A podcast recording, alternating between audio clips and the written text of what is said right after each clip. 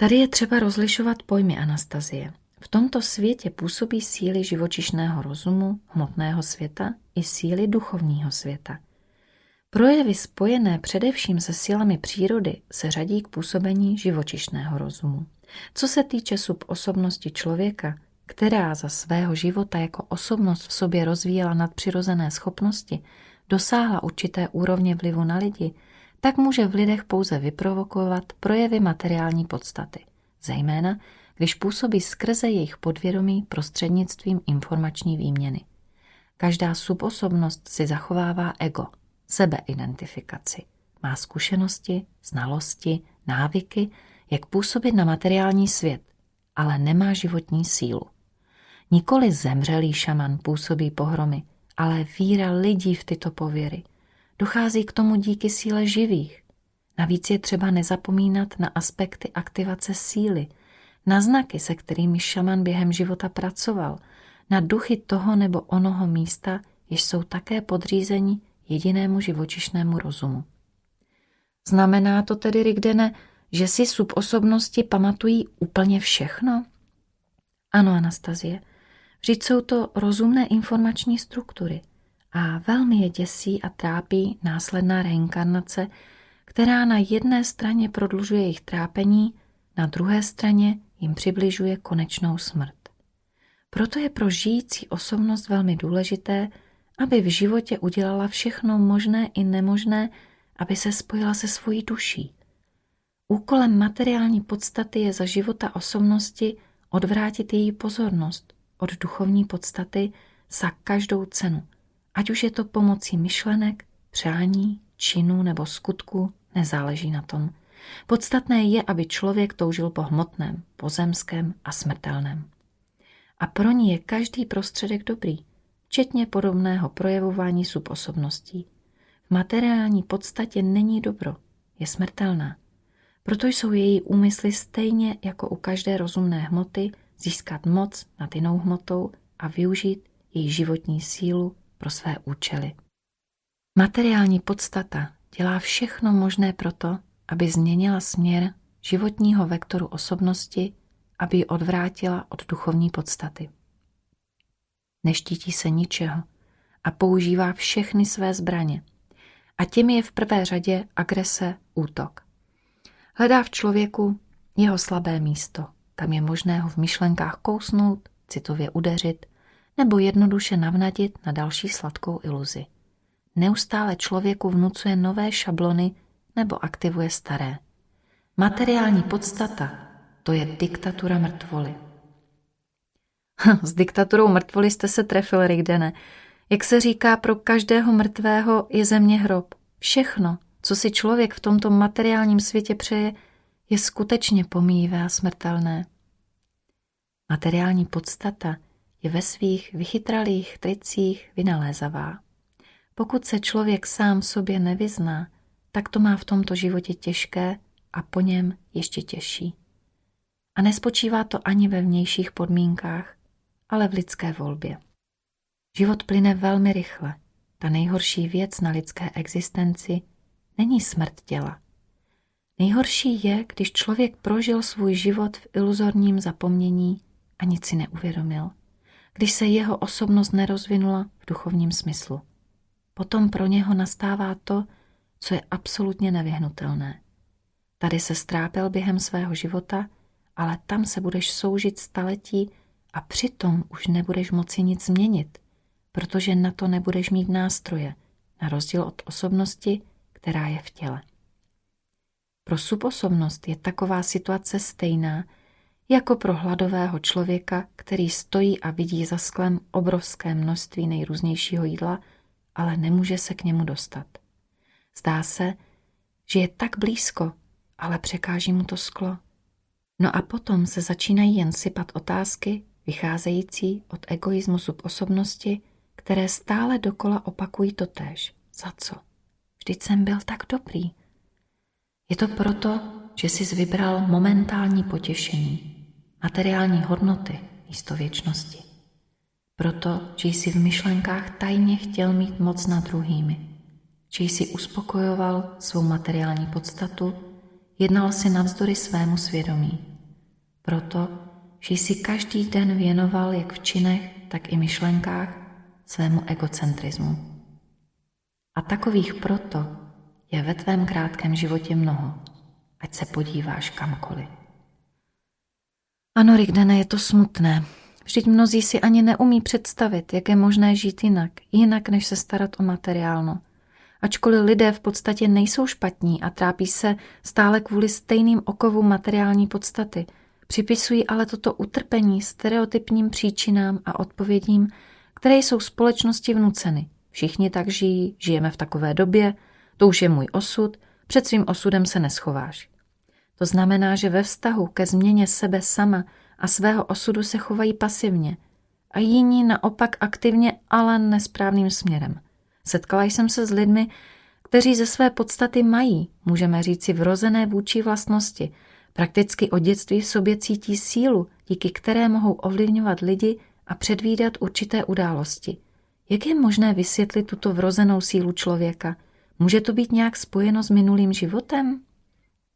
Případy bývají samozřejmě různé Anastazie, ale pokud mluvíme o vrozeném daru člověka, tak to znamená, že v předchozím vtělení dané duše se osobnost duchovně rozvíjela, dosáhla určitých výsledků v práci na sobě samé a v chápání tohoto světa. V duchovním rozvoji tedy došlo k velkému pokroku, ale ukázalo se, že nebyl dost velký na to, aby duše mohla opustit systém Ahrimana a vymanit se z kruhu reinkarnací. Nicméně taková duše má v novém životě s novou osobností oproti jiným lidem některé výhody. Člověk se narodí s velkým energetickým potenciálem, který při správném použití napomáhá rychlejšímu duchovnímu růstu osobnosti a dává jí reálnou šanci splynout z duší a dostat se ven z kruhu reinkarnací. Takových obdařených lidí je Anastazie mnoho. Tito lidé cítí, že nejsou jako ostatní, jsou o dětství společenští, mají vůči schopnosti, díky vrozenému daru mají vliv na lidi, jsou zvláštním způsobem vnímaví k událostem, projevům jemných energií a tak dále. Je pravda, že je i druhá kategorie lidí s velkým potenciálem. V důsledku podmínek, do nich se dostali, jsou od dětství uzavřeni sami do sebe, uzavírají se před okolním světem a teprve až později, když jsou dospělí, odhalují svůj potenciál v celé jeho síle. Je zřejmé, že takový dar je velká zodpovědnost. Je to tak, Rigdene? Ano, v prvé řadě pro samotného člověka. Ti, kdo se narodili s velkým duchovním potenciálem, musí mít na paměti, že stejně silný odpor bude ze strany materiální podstaty, která se bude snažit udělat všechno proto, aby využila tuto sílu ve svůj prospěch. Pokud ve společnosti chybí znalosti, které tyto momenty vysvětlují, a pokud jsou v ní jako pasti rozestavěny stereotypy myšlení materiální podstaty, pak tito obdaření lidé ve snaze řídit se prioritami společnosti začínají svoji unikátní sílu vynakládat na realizaci plánů materiální podstaty. Pozorují, že některé, zdálo by se složité otázky umí řešit snadno – Chápou, že mají schopnost působit na lidi. Je pro ně snadné být lídrem kolektivu, ale bez odpovídajících znalostí o sobě samých obvykle začínají tento dar využívat buď za zjištnými účely k realizaci své materiální podstaty, anebo obecně pro systém, který existuje v rámci programu materiálního rozumu. Tím se tedy nechávají unést hmotou, častěji činí volbu v její prospěch a ve svém životě rozvíjí tento směr. Také materiální rozum podvádí. Člověku dochází k aktivaci materiální podstaty, k jemné záměně duchovního směru za materiální, s vynaložením této vrozené síly ve prospěch materiálního rozumu. Velmi zřídka se takový obdaření lidé během překonávání silného odporu své materiální podstaty stávají například duchovními vůdci. Nemají se tím na mysli ti, kdo mají náboženskou moc nad lidmi, ale ti, kdo opravdu jdou po duchovní cestě, reálně pomáhají druhým v duchovním rozvoji, v osvobození jejich vědomí ze zajetí hmoty. Tento dar tedy využívají především proto, aby vybudovali kariéru, získali moc, nahromadili materiální hodnoty a tak dále. Takoví lidé Anastazie se ve společnosti obvykle stávají lídry. Někdo je veřejným činitelem, někdo biznisménem, někdo vysokou kriminální autoritou a tak dále. Někdy prostě překvapují lidi ve svém okolí a ti se diví, jak a proč je to v životě možné, že podle jejich názoru zjevně intelektuálně slabý člověk, který ani nemá vzdělání, může vybudovat celé finanční impérium s tak obrovským vlivem. A ve skutečnosti je to tak, že má takový člověk velký vnitřní potenciál a zúžené vědomí zaměřené na materiální priority kvůli tomu, že v něm neustále převládá materiální podstata. Pokud by takový člověk rozšířil své obzory a vybral si v životě duchovní priority, kdyby tedy kardinálně změnil své vnitřní směrování pohybu ze znamenka mínus na plus, mohl by ve svém duchovním rozvoji dosáhnout mnohého. Kdyby se vědomně změnil ve prospěch své lepší duchovní stránky, měl by více než reálnou šanci dosáhnout ještě během tohoto života duchovního osvobození, vystoupit z kruhu reinkarnací. Ale je třeba podotknout, že takovou šanci má každý živý člověk. Rozhodující roli zde hraje zejména osobní volba člověka, jeho cílevědomost, práce na sobě samém a jeho neústupnost v dosažení duchovního cíle. Zdůrazňuji, že takové přeměny jsou spojeny výhradně s přeměnou vnitřního světa člověka. Pokud se člověk snaží změnit své vnější podmínky a vnitřní nemění, nebude to mít žádný význam. Je to pravda, takoví lidé, stejně jako většina, když zůstanou sami, tak čas od času také cítí, že je tíží hmota a každodenní starosti. Očividně chápou, že to, čeho dosáhli na svém životním poli, není opravdu to pravé. Není to ten výsledek, který duše chtěla. Že všechno je to všední a cizí a stává se, že moc nad podobnými obdařenými lidmi zcela získá materiální podstata? Stává Anastazie, ale v takových případech se z těchto lidí stávají opravdoví, egoističtí, agresivní mutanti. Jinak takové bytosti prostě nazvat nelze. Ale toto všechno pouze dokazuje, že subosobnosti prakticky nemají vliv na volbu nové osobnosti, když si vybírá vektor svého rozvoje v životě. Řekněme to takhle. I když subosobnost ve své době dosáhla velkých duchovních výšek a chyběl jí jen jediný krok nirváně, vystoupit z cyklu znovu zrození, není zaručeno, že tento krok udělá následná osobnost. V životě bývá obvykle všechno úplně naopak. Je to proto, že takové osobnosti, tedy s duchovně rozvinutou subosobností, jsou ještě v raném dětství více podrobeny soustředěné pozornosti materiálního rozumu. Vede to k tomu, že tito lidé místo toho, aby pokračovali ve svém vývoji duchovním směrem a dosáhli konečného splynutí z duší, duchovního osvobození, odchodu do nirvány, vynakládají tento dar, tuto cenou po předešlé osobnosti zděděnou sílu na dosažení iluze, kterou jim vnutila materiální podstata. Výsledek je ten, že místo předpokládaného skoku vpřed v duchovním smyslu spadne tento člověk zpět a zatěžuje tím svou osobnost, svoji duši. Samozřejmě se tedy znovu dostává do kruhu reinkarnací, jenže za mnohem horších podmínek. A realita je taková, že tato osobnost přežije smrt, stane se subosobností a potom se bude ještě velmi dlouho trápit a týrat v nových tělech kvůli své osudové chybě. Znamená to, Rigdene, že tuto svoji sílu vydávají ne na to, aby poskočili vpřed směrem k věčnosti, ale aby získali moc nad sobě podobnými v tomto smrtelném okamžiku, který velmi rychle uplyne? Ano. Když je člověk krůček od duchovní věčnosti, je hloupé dát přednost smrtelné hmotě. Tělo stejně umře. Ale co zůstane tobě?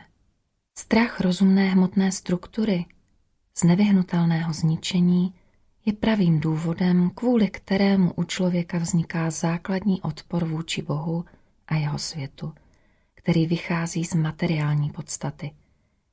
Podobný odpor se objevuje tam, kde se setkávají nebo kříží duchovní a materiální svět. Tento jev v některých náboženstvích popisují jako bitvu archandělů s padlými anděli. Ve skutečnosti jsou to všechno asociace. Neznamená to, že někde někdo vede nebeskou válku o duši člověka. Všechno se to odehrává tady a teď, v každém člověku a bitevním polem je jeho vědomí, jeho myšlenky, emoce a přání.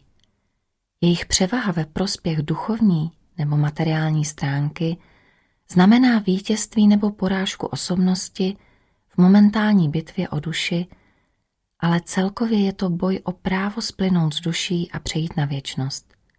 Je strašné prohrát bitvu, ale zhoubné prohrát celou válku.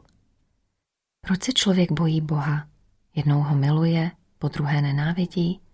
Protože každý díky mnoha reinkarnacím své duše podvědomě ví, že existuje duchovní svět, že existuje Bůh a duchovní bytosti, které Bohu slouží. Tyto bytosti lidé v různých legendách nazývají anděli. Jenom nevypadají tak, jak si je lidé v asociativních kategoriích náboženství představují. Jsou to bytosti, které se od trojrozměrného světa liší.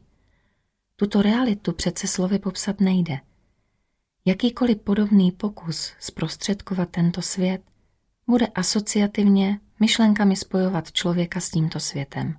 Takže to bude skutečnost zkreslovat. A pokud navíc dojde k následnému předání této informace skrze dominující materiální podstatu, už se s tím sama nejednou setkala a viděla, jak potom vypadají takové legendy a jaké podrobnosti jsou v nich předány. Vezměme například vyprávění o božím soudu. Vždyť ve skutečnosti je to všechno jednoduché. Po každé po smrti hmotného těla má člověk, přesný osobnost a duše spolu se subosobnostmi, setkání s představiteli duchovního světa a tak říkajíc nese zodpovědnost za prožitý život, podle kterého se určuje další osud tohoto člověka. Z toho tedy u různých národů vznikly legendy o božím soudu, o posmrtném osudu člověka a tak dále. Ale jak se to všechno překrucuje a předkládá v náboženstvích a v různých vírách? K celému nedorozumění dochází také proto, že během života nemá osobnost přístup ke vzpomínkám a zkušenostem subosobností a člověk o sobě nezná všechnu pravdu. Pokud by život člověka, tedy osobnosti, nezačínal pokaždé jako čistý nepopsaný list, kdy jsou blokovány vzpomínky na předešlé životy, nebyly by podmínky pro osobní volbu. Pokud by si lidé vědomně pamatovali všechna převtělení své duše, a také obrovské utrpení, které do té doby zakoušejí jejich subosobnosti, tak vás ujišťuji, že už by se ze všech lidí stali andělé. Vzpomínky na minulé životy jsou však bohužel blokovány. Pokaždé je člověk nucen se opět ponořit do tohoto světa kvůli samostatnému, vědomému, duchovnímu zrání jeho osobnosti. A čím je takový čistý list vědomí nové osobnosti přece jen dobrý? V prvé řadě tím, že se v něm znovu stanovují priority, které určují převládající volbu člověka během života a nezávisle na předchozích zásluhách subosobností. To znamená, že pokud člověk kardinálně změní život směrem k duchovní podstatě, převede převládající myšlenky do duchovní sféry – a dá svému vědomí disciplínu, tak získá osobnost reálnou šanci zachránit sebe a svoji duši ve svém životě. Vždyť se přitom začne kvalitativně měnit k lepšímu a žít duchovním světem. Ale pokud se člověku, osobnosti, opět zachce být zaangažován v okovech materiálního myšlení a budou v něm trvale převládat myšlenky materiální podstaty – pak bude u takové osobnosti jen jedna cesta – stát se subosobností. Sílu určenou pro osvobození duše bude totiž spotřebovávat na nekonečná přání materiálního světa. Chápeš, Anastazie, v čem je zásadní rozdíl mezi životem člověka s převládajícími materiálními prioritami a člověka s převládajícími duchovními prioritami? Když u člověka ve vědomí převládá materiálno, žije člověk hmotným světem a jen zřídka se zamýšlí nad duší. Dokonce se někdy může snažit procvičovat duchovní praktiky. Obvykle to považuje za jednu ze svých zábav nebo za prostředek, který mu pomůže v rozvoji super schopností, aby tím posílil svůj vliv na lidi a tak dále. Přitom se samozřejmě nijak zvlášť neobtěžuje pracovat na sobě, skrotit svou materiální podstatu.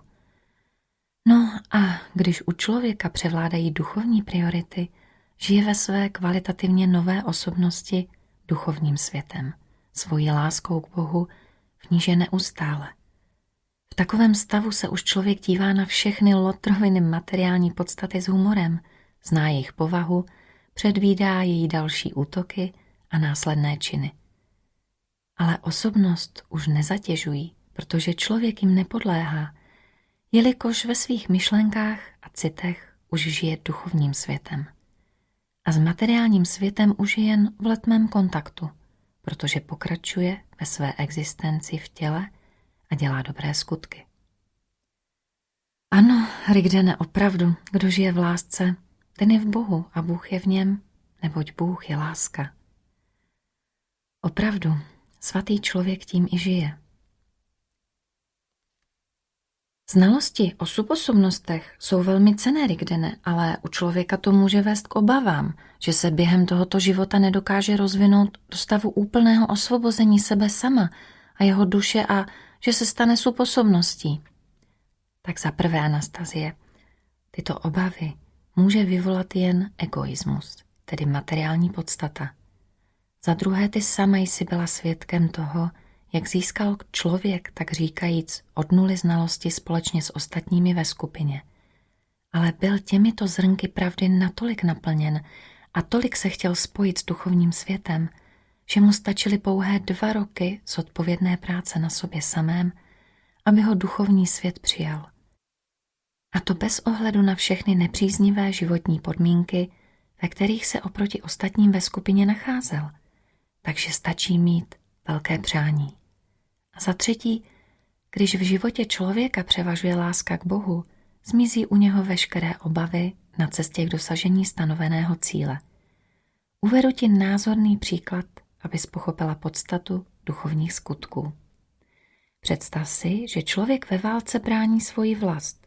Natolik vroucně a hluboce ji miluje, že je připraven být se za ní ze všech sil, jít přes mrtvoly za vítězstvím udělat všechno možné i nemožné kvůli jedinému cíli – osvobození své vlasti. Kvůli lásce k vlasti je připraven za ní i umřít. Je mu jedno, co se stane s jeho tělem. Hlavní jsou city, které chová, které ho vedou do boje a nutí ho bojovat o vítězství. A tento cit lásky ho neopouští ani tehdy, když se dostává do zajetí nepřítele a ví, že je mu souzeno zahynout tam v utrpení protože je naplněn pocitem opravdové lásky, kvůli které žil a kvůli které i umře. Takže všechno závisí na člověku. Pokud je naplněn opravdovou láskou k Bohu, kterou každý den žije, není v něm místa pro pochybnosti. Má pouze jeden cíl – zvítězit, aby osvobodil svoji duši. Ano, vítězství za každou cenu. Takže spása duše Anastazie je nejdůležitější v životě člověka, jeho hlavním cílem, smyslem jeho existence. Spása duše je opravdovou službou duchovnímu světu, ale ne materiálnímu. Spas se sám a okolo tebe se spasí tisíce. A není v tom nic složitého, jen je třeba chtít. Je třeba začít tím nejjednodušším, začít pracovat na sobě. Mozek je podobný počítači. Co do něj vložíš, to ti vydá. Jaké cíle si určíš, jaký program si do něj nainstaluješ, takovým směrem se bude ubírat jeho práce. Průběhu života se v jeho paměti střádají zkušenosti různých asociativních pocitů, představ, myšlenek, citu a tak dále. Tyto asociace jsou z velké většiny spojeny s dojmy získanými od okolního světa. Proč je pro současného člověka, který jde po duchovní cestě, Důležité neustále si rozšiřovat své obzory, více číst, seznamovat se s nejrůznějšími informacemi, doplňovat si znalosti z různých směrů, protože v takovém případě bude mít mnohem bohatší asociativní řadu, lepší paměť a celkové chápání světa. Vždyť podvědomí, odkud je čerpána asociativní řada, je jako spižírna. Co si do ní člověk někdy uloží, to tam potom také najde. Materiální struktura mozku uchvává obrazy, hologramy, které získala během prožitého života. Když se například prostřednictvím zraku a sluchu dostane k člověku nová informace, dochází k podráždění neuronů v určité části mozku. Mozek zpracovává informaci a dochází k podráždění určitých, mluvme o tom v pro tebe již známých kategoriích informačních cihel. Mozek rozeznává, co to je na základě předešlých znalostí a na základě zkušeností. Patří sem všechno, zvuky, pocity, znalosti a tak dále. Obrazně řečeno, mozek pracuje jako vyhledávač v počítači. Pokud zadáš například slovo dobro, tak najde všechny složky s informacemi, které toto slovo obsahují. Mozek, který v naší podvědomé spižírně, hledá to, co je asociativně podobné. Přitom si zapamatovává i novou informaci s jejími charakteristikami a doplňuje si ji do své spižírny. Pokud je člověk líný zlepšovat si své znalosti, rozvíjet analytické schopnosti, omezuje se jen na to, co mu jako hotové přinášejí sdělovací prostředky a stává se tak ideálním objektem pro žerece a politiky, aby ho tito řídili skrze jeho vědomí. Kvůli vlastní lenosti člověk vědomně zmenšuje okruh svých znalostí. Pokud je mozek chudý na asociace a i ty se ve své většině točí kolem materiálních priorit, stává se člověk duchovně slabým, je snaží ho ovládat, obelstít a vsukerovat mu nějaké nasměrování. To je také důvod, proč se žrecové i politici snaží dostat člověka do stavu omezeného vědomí. V takovém stavu je pro ně snadné ho ovládat. A k tomu jim stačí vložit do jeho vědomí určité asociace, příklady k napodobování a člověk se v jejich rukách stává poslušnou loutkou. To je pravda, Rigdene. Pokud je člověku názorně předváděno, jak je všechno špatné, tak se mu v myšlenkách bude honit všechno špatné. Hm, bude na to mimovolně koncentrovat svoji pozornost, oživovat si a realizovat negativní situace a vzpomínat na odpovídající asociace. Vždyť podobné přitahuje podobné.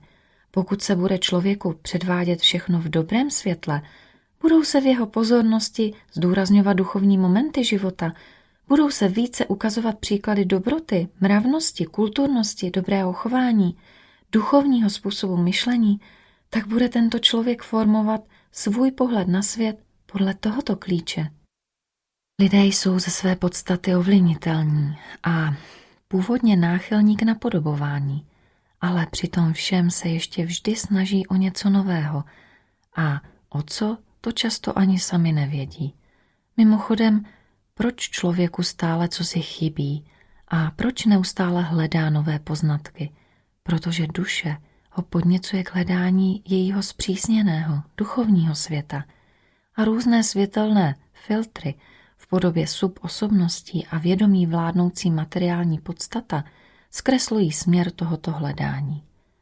Mnoho problémů v duchovním hledání také vytváří asociativní vnímání materiálního mozku.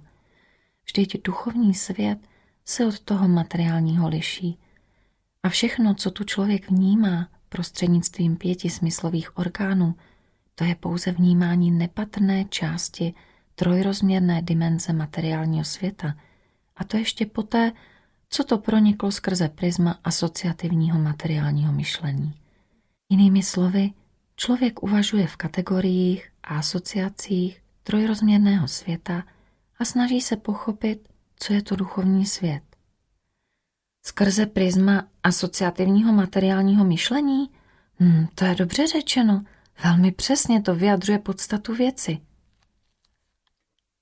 Ano, Anastazie, jak víš, lidský mozek je od narození nastaven na frekvenci materiální podstaty, ale to vůbec neznamená, že toto nastavení nemůže člověk změnit.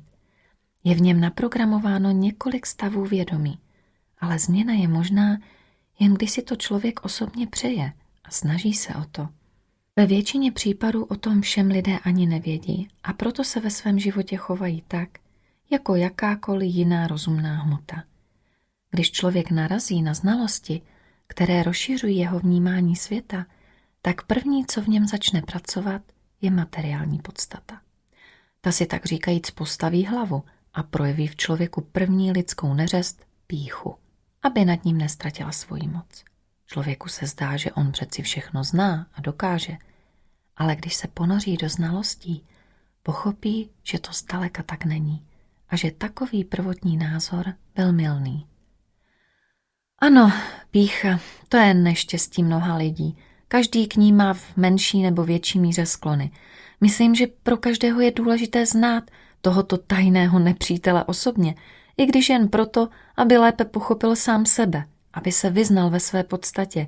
Během rozhovoru jste se nějak zmínil, že pícha je projevem materiální podstaty, která ovládá člověka.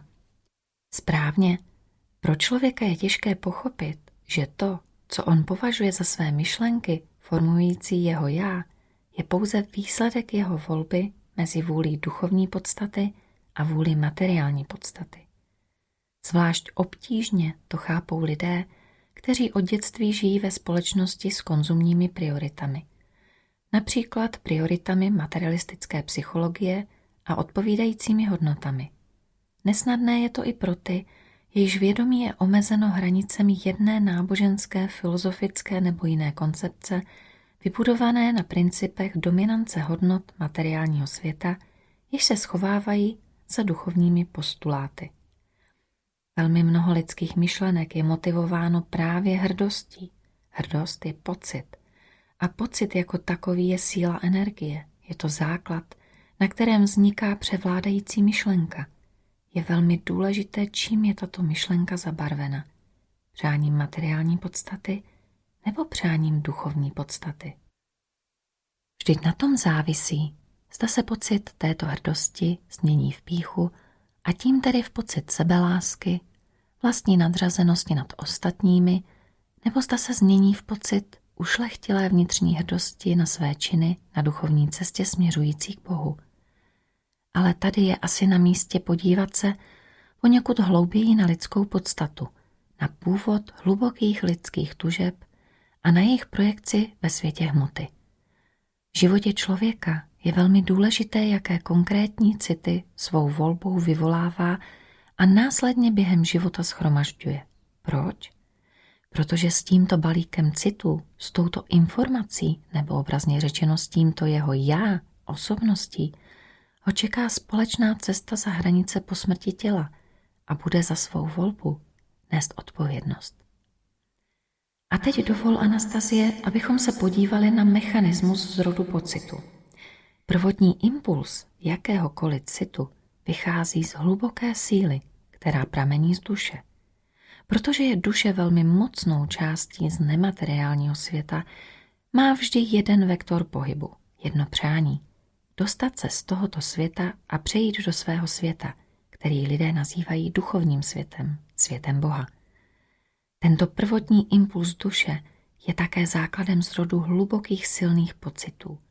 Pokud je tato síla cíleně použita v duchovním směru, bude to stačit, aby se člověk bez ohledu na jeho minulost vymanil z cyklu reinkarnací. Při zrodu takového hlubokého pocitu začíná náš materiální mozek reagovat na tuto sílu a tím tedy skrze vědomí vykládat tyto pocity po svém. To znamená, že se člověk řídí svými asociacemi a začíná vysvětlovat vzniklý pocit podle pro něj obvyklého stereotypního způsobu myšlení. A právě v této etapě hraje důležitou roli pohled člověka na svět. To je to, co má o dětství uloženo ve svém vědomí. Jsou to nazhromážděné zkušenosti, vytvořené a to i prostřednictvím hromadných sdělovacích prostředků, modely chování a způsob myšlení, který se zakořenil v jeho podvědomí a také osobní vědomostní rozhled, umění kontrolovat myšlenky a koncentrovat pozornost. Na převládajícím pohledu na svět závisí, jak a kam je vynakládána síla vycházející z duše.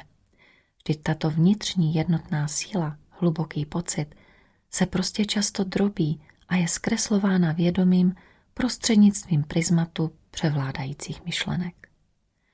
Mohli bychom tento proces přirovnat například k tomu, jak probíhá lom slunečního paprsku v trojuhelníkovém skleněném hranolu, e, tedy k rozkladu paprsku na mnohobarevné duhové spektrum? Přesně tak, Anastazie. Tento proces můžeme obrazně přirovnat k disperzi světla, kdy se jedna jediná vlna rozděluje na vlny různé délky. Vědomí spolu s nazhromážděnými zkušenostmi svých asociací je jako ten hranol, který tříští jednotnou sílu a zaměřuje ji na mnoho drobných částí myšlenek, které této síle dodávají své zabarvení. Podle toho, jaká je vědomí člověka dominanta, takové je zabarvení myšlenek, taková jsou i přání. Myšlenky materiální podstaty díky této síle dělají samotná přání iluzorně superbarevnými a přitažlivými. Ale v podstatě neodpovídají tomu, jaké ve skutečnosti jsou, když se pak splní, protože jsou prázdná.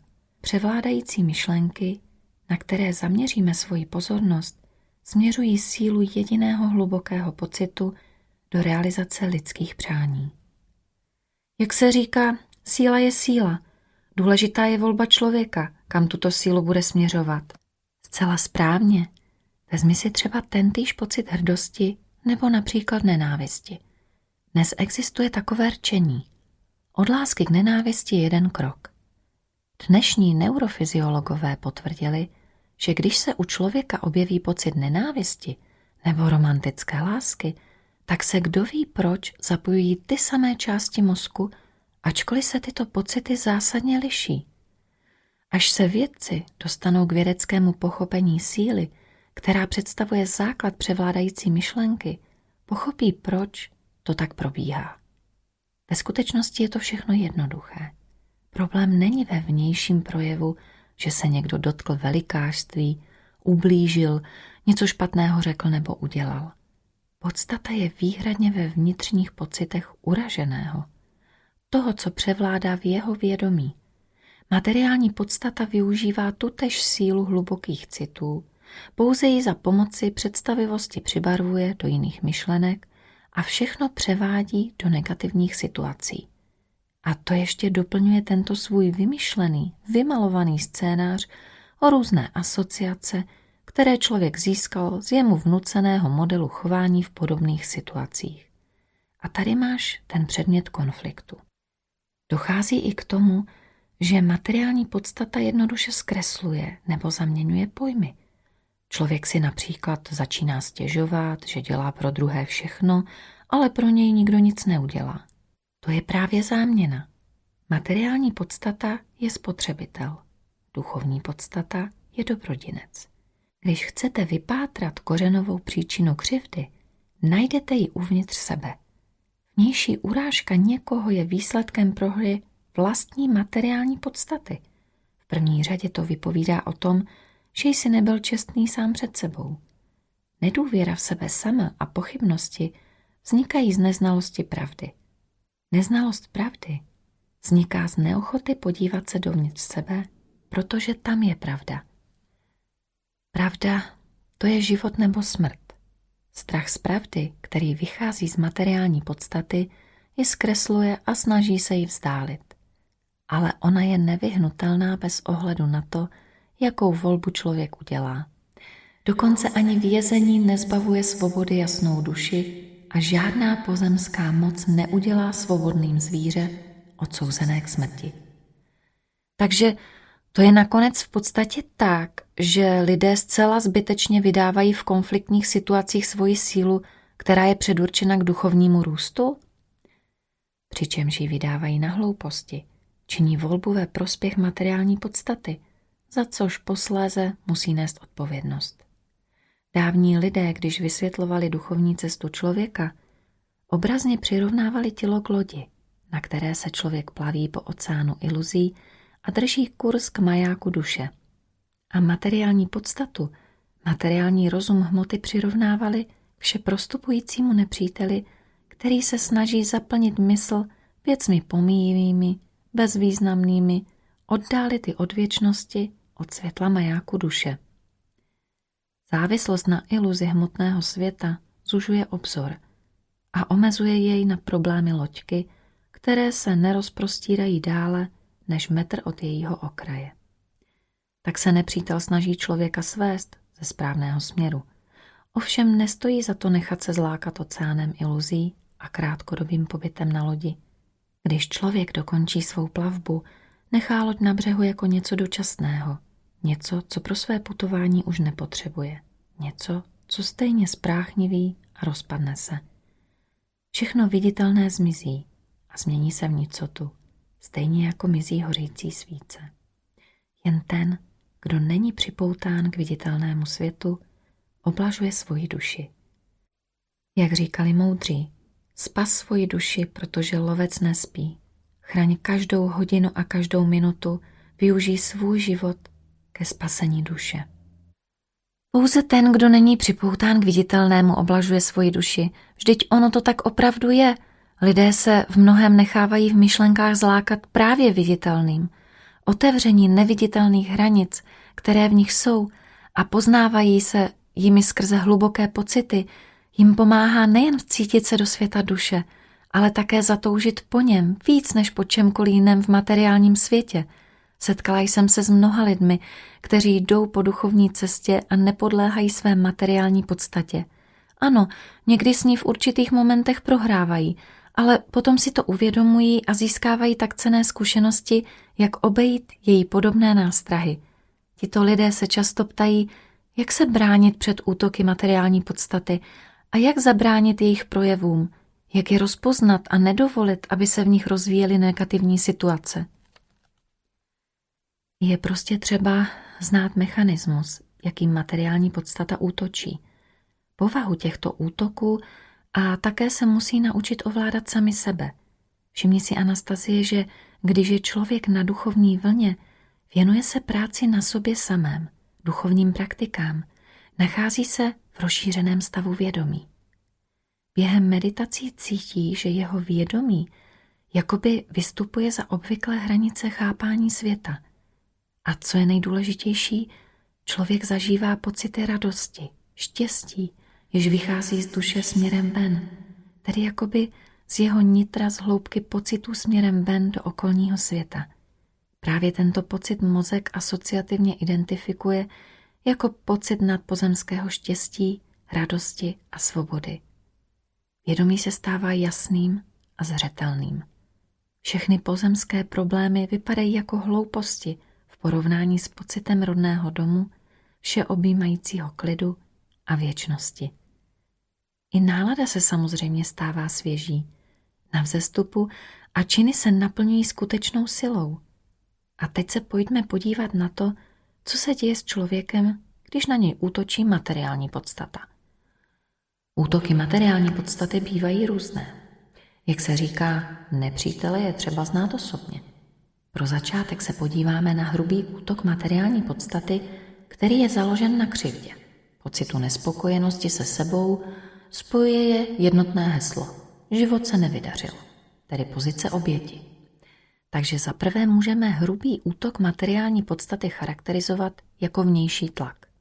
Pokud to pozorně proskoumáme z pozice pozorovatele duchovní podstaty, odkud je vyvíjen tento tlak, který lze pocítit dokonce na fyzické úrovni, tak je cítit především z vnějšku, z hora dolů, jako tlak směrem od hlavy nebo odzad do hrudníku. V důsledku takového hrubého útoku materiální podstaty se člověk doslova během krátkého okamžiku mění z aktivního jedince v pasivního a je dezorientován. Stá se mu, že pod sebou ztrácí pevnou půdu pod nohama. V jeho vědomí se nečekaně vynořují a začínají se promítat negativní obrazy, myšlenky, smyšlené problémy, které na sebe přitahují a soustředují pozornost. Když toto probíhá, člověk pociťuje stav nespokojenosti, emocionálního prožitku, který se projevuje převážně podle standardních schémat. Uvnitř je člověku špatně. Cítí nepohodlí, jako by se mu v hrudi co se svíralo. Je těžké skoncentrovat se na jakoukoliv práci, protože postraní myšlenky ho neustále odvádí k přemítání o stále tom samém palčivém tématu. Jak se říká, vzniká tak duševní bolest nebo křivda, nebo člověka tlačí špatné myšlenky, začíná pocit nespokojenosti se sebou, výčitky vůči sobě za co si. Objevuje se klubko negativních myšlenek, asociací emocí. Vědomí se prostě soustředí na problém, do kterého ho vhání materiální podstata. Vědomí člověka se omezuje na jeden bod, na tento problém. Začíná vidět pouze toto a nic víc. Člověk například zapíná televizor, snaží se oprostit od těchto myšlenek, ale vědomí jakoby se speciálně zaměřovalo a soustředilo pozornost na ty programy a fragmenty pořadu, které se dotýkají jeho palčivého tématu. Nebo jiný příklad. Člověk se nachází v tomto stavu a začíná se s někým bavit o abstraktním tématu. Posléze si ale ani nevšimne, že vědomí přesto stáčí rozhovor k týmž vykonstruovaným problémům. Pokud člověk prožívá podobné stavy, musí pochopit, že taková posedlost negativními myšlenkami a skleslý stav vědomí je pouze začátek hrubého útoku materiální podstaty. Takže člověk reaguje na situace jakoby jednostranně? Správně. Prostě u něho mizí komplexní chápání obrazu světa. Dochází k zúžení vědomí. Člověk stále dokola řeší nějaký problém. Obrazně řečeno, do té doby viděl širokou škálu barev, ale během útoku materiální podstaty zdůrazňuje pouze černou barvu. Ostatní pro něho přestávají existovat, jako by je ani neviděl. Co je smyslem takového hrubého útoku materiální podstaty? Jeho cílem je blokovat spojení osobnosti s duší, kvůli čemuž také dochází k zvláštnímu tlaku z vnějšku dovnitř. Během takového útoku, obrazně řečeno, signál od duše nedochází k vědomí osobnosti v čisté podobě, jako tomu bývá při duchovních praktikách, ale je značně zkreslován kvůli aktivaci zašpiněných filtrů. Je důležité vědět, že materiální podstata loví člověka především na jeho slabostech. Vždyť ona zná všechna slabá místa člověka, jeho minulost i současnost, všechna tajná přání, na které kdysi soustředil svoji pozornost a zatoužil potom nebo jiném pozemském blahu pro uspokojení sebe samého. Ano, i přání, jež zatěžují duchovní cestu, se u člověka přesněji jeho nové osobnosti objevují opět a ne na prázdném místě. Převážně jsou to tradiční stereotypní mechanismy s materiálním zaměřením, které ve společnosti převládají. Proto u většiny lidí převládají takové vlastnosti materiální podstaty, jako je egocentrismus, závist, bezmezná chamtivost a sebelítost. Ano, člověk se velmi rychle nakazí podněty vycházející z materiální podstaty. Rád bych mimochodem zmínil Anastazie, že během útoku materiální podstaty vidí člověk sám sebe, pouze jako dobrého člověka. On je přeci ve všech ohledech super a všichni ostatní nejsou nic jiného než slizcí hadi. Když se člověk nachází v takovém stavu, tak mu zkus třeba jen přímo říci, že je sám vším vinen kvůli projevům jeho vlastních negativních vlastností a on hned všechna negativa přenese na tvou stranu jeho materiální podstata začne okamžitě agresivně bránit své pozice. Je to dáno tím, že člověk, když se nachází v podobném stavu, tak vědomně taková vysvětlení a poznámky vůči jeho osobnosti nechápe. Proč k tomu dochází? V prvé řadě je to kvůli tomu, že v daný moment má zúženo vědomí a soustředí se na vlastní egoismus. Vždyť takovém stavu pro člověka kromě jeho já, já, já v různých podobách nic jiného neexistuje. Ano, Rigdene, svalovat vinu na někoho jiného a vymýšlet vnější důvody umí materiální podstata skvěle. Jak se říká, stačí jen záminka a hned se chytí. A k tomu ještě oblíbený postup materiální podstaty podstrčit člověku myšlenku, která ho bude vodit v začarovaném kruhu. A všechno by mohlo být jinak, kdyby... Mimochodem čtenáři se docela často ptají, proč dochází k tomu, že se myšlenky stále točí dokola okolo toho samého, dokonce i když je pak z toho člověku jen hůř a hůř? Má to dva důvody. Za prvé je to práce materiální podstaty. Ta vytváří v člověku vnitřní podmínky pro jeho volbu. A čemu pak dá osobnost ve svém krátkém životě přednost? Vůli duchovní nebo materiální podstaty, dobrým nebo špatným myšlenkám, to už je její právo. Ale z priorit, které si člověk každý den vybírá, se formuje jeho posmrtný osud. Za druhé fakt, že se člověk stále dokola soustředí na negativní myšlenky, jsou pouze jeden ze způsobů materiální podstaty, díky kterému koncentruje pozornost člověka na sebe. Nutí osobnost sloužit rozmaru materiální podstaty a tím tedy vydávat životní energii na to, co je smrtelné. Věc spočívá v tom, že při takovém soustředění začíná být člověk se sebou nespokojený. Zlobí se a neustále přemýšlí o minulosti. Zjednodušeně řečeno se jeho vědomí zužuje do emocionálního jednostraného vnímání nějakého osobního problému a přitom si ani nevšimne, kdo a proč v něm udává právě tento směr myšlení. A konkrétně vymyšlený problém tady ani není tak důležitý. Když se jeden vyřeší, určitě se najde jiný. Důležité je naučit se ovládat sám sebe. Potom i vnitřních problémů bude méně. Vždyť právě z nich vznikají v životě člověka vnější situace. To je pravda. Jinak se bude člověk do konce života stále dokola pohybovat v kruhu. Přesně jako v tom lidovém rčení. Ty táhneš, on táhne, ať už vyhraje kdokoliv, spadnou oba.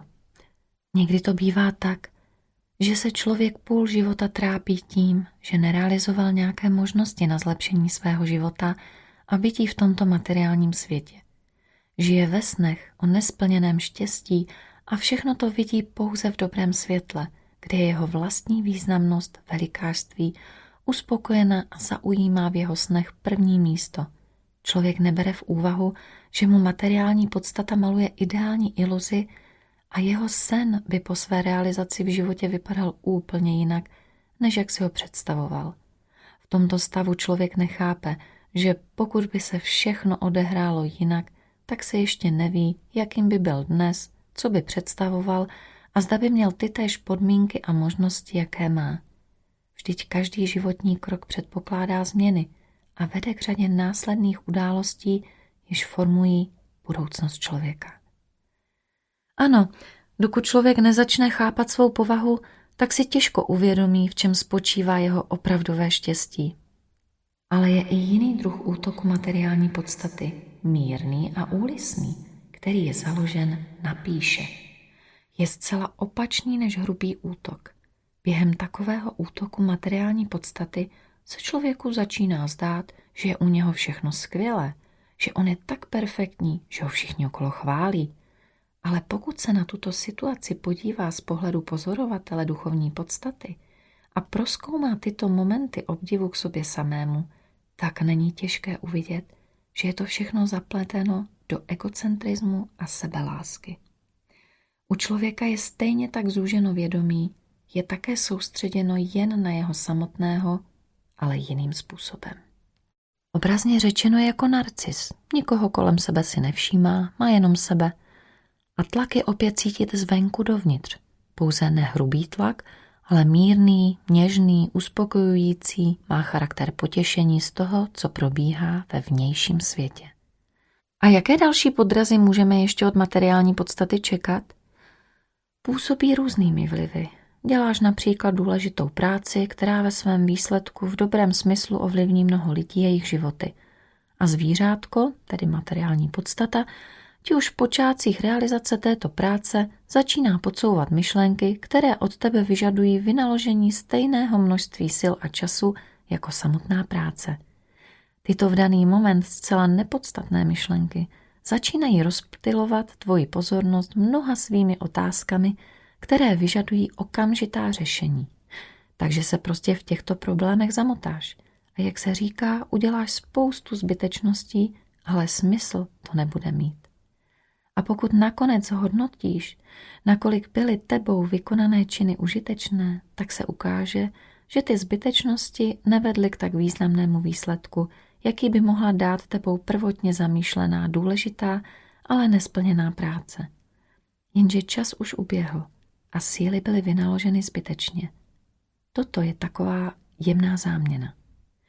Druhý způsob útoku materiální podstaty je založen na záměně pojmů. Pokud se ti například podařilo odhalit útok, podařilo se ti uhájit tvé pozice, ale nečekaně se uvnitř tebe začíná rozvíjet jakoby zvláštní panika, která jakoby volá pomoc, chci rychle na věčnost, co mám dělat, jak se rychle spasit. To je také jemná záměna. Takových záměn je bohužel mnoho. Bývá to i tak, že člověk je pod vlivem materiální podstaty a nějak zvlášť na sobě nepracuje, pouze se chlubí před ostatními svými výsledky v osobním rozvoji. Chybně se domnívá, díky hrdosti, že čeká na svou materiální podstatu v plné zbroji, ale ve skutečnosti je tato situace podobná té bajce o vlkovi a lovci. Jednou se vlk rozhodl, že půjde sám na lov, aby se potom mohl pochlubit před svou smečkou, že on sám se vydal lovit člověka. Ve stejnou dobu se rozhodl člověk, že půjde sám na lov, aby se potom mohl pochlubit před lovci, že on sám se vydal na vlka. A tak oba vlk i lovec šli. Oba se báli a v noci se třásli strachem. Oba se pohodlně uvelebili na kraji lesa a opírali se o věřátý strom. Tak seděli až do rozednění, zády k sobě se strachy tulili a jediné, co je těšilo, byla myšlenka, jak se budou před svými druhy chvástat, že šli sami na lov. Bylo jim teplo a příjemně a oba byli nevýslovně šťastní, že zůstali zdraví a v pořádku. Vlk byl šťastný, že se nepřepletl do cesty lovci a lovec byl šťastný, že nenatrefil na vlka. Dobře řečeno, mnoho lidí se příliš nezatěžuje tím, aby na sobě pracovali a jen se utěšují lichotivými myšlenkami. No a nakonec se diví, proč se u nich nedostavují podstatné výsledky v duchovním rozvoji – když přeci tolikrát byli na lovu, na své zvířátko materiální podstatu. Je až překvapivé, kolik takových záměn je. Mám takový dojem, Rigdene, že nejen člověk s poznáním roste, ale že ani to zvířátko v něm nespí a neustále se zdokonaluje v tom, na co by ho mohlo nachytat. A tak to je Anastazie. Nejsměšnější je, že materiální podstata má standardní programy stále téhož typu. Lidé si stoupají na stále ty samé hrábě a každý si myslí, že ráno do čela dostal jen on. Každý se domnívá, že to má v životě těžší než ostatní a že právě jeho životní těžkosti jsou ty nejsložitější a že jsou nepřekonatelné. Ale to je všechno jen malomyslnost, jen další léčka materiální podstaty, aby člověk soustředil svou pozornost na její mechanismy. Ale když člověk tyto lsti zná, Může snadno předvídat a vyhnout se dalšímu útoku, obejít na stražené pasti.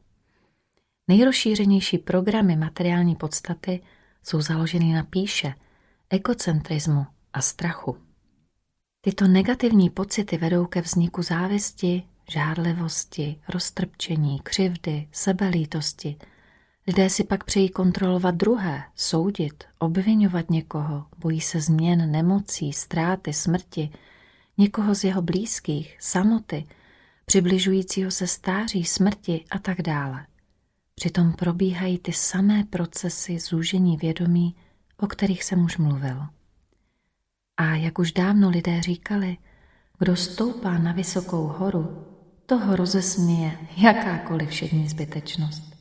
Pokud se chce člověk opravdu věnovat vlastnímu duchovnímu rozvoji, v prvé řadě musí dát disciplínu svým myšlenkám. Musí co možná nejčastěji analyzovat, jaké pociťuje emoce, jakým způsobem myslí, jaká je povaha myšlenek a emocí a mechanismus jejich vzniku. Musí umět být nad věcí, nad každodenností, musí umět chápat svět z pozice pozorovatele duchovní podstaty a ne z obvyklé pozice pozorovatele materiální podstaty. Materiální podstata člověku neustále vykresluje velkou iluzi o tom, co představuje vnitřní svět člověka, přičemž dává důraz na ego-osobnosti a také svým způsobem interpretuje vnější svět, který by měl tomuto egu jakoby sloužit. Z pozice této iluze to u osobnosti vyvolává o světě, o ostatních lidech a tím tedy odhaluje člověka od vnímání pravdy. Ve skutečnosti je všechno jinak.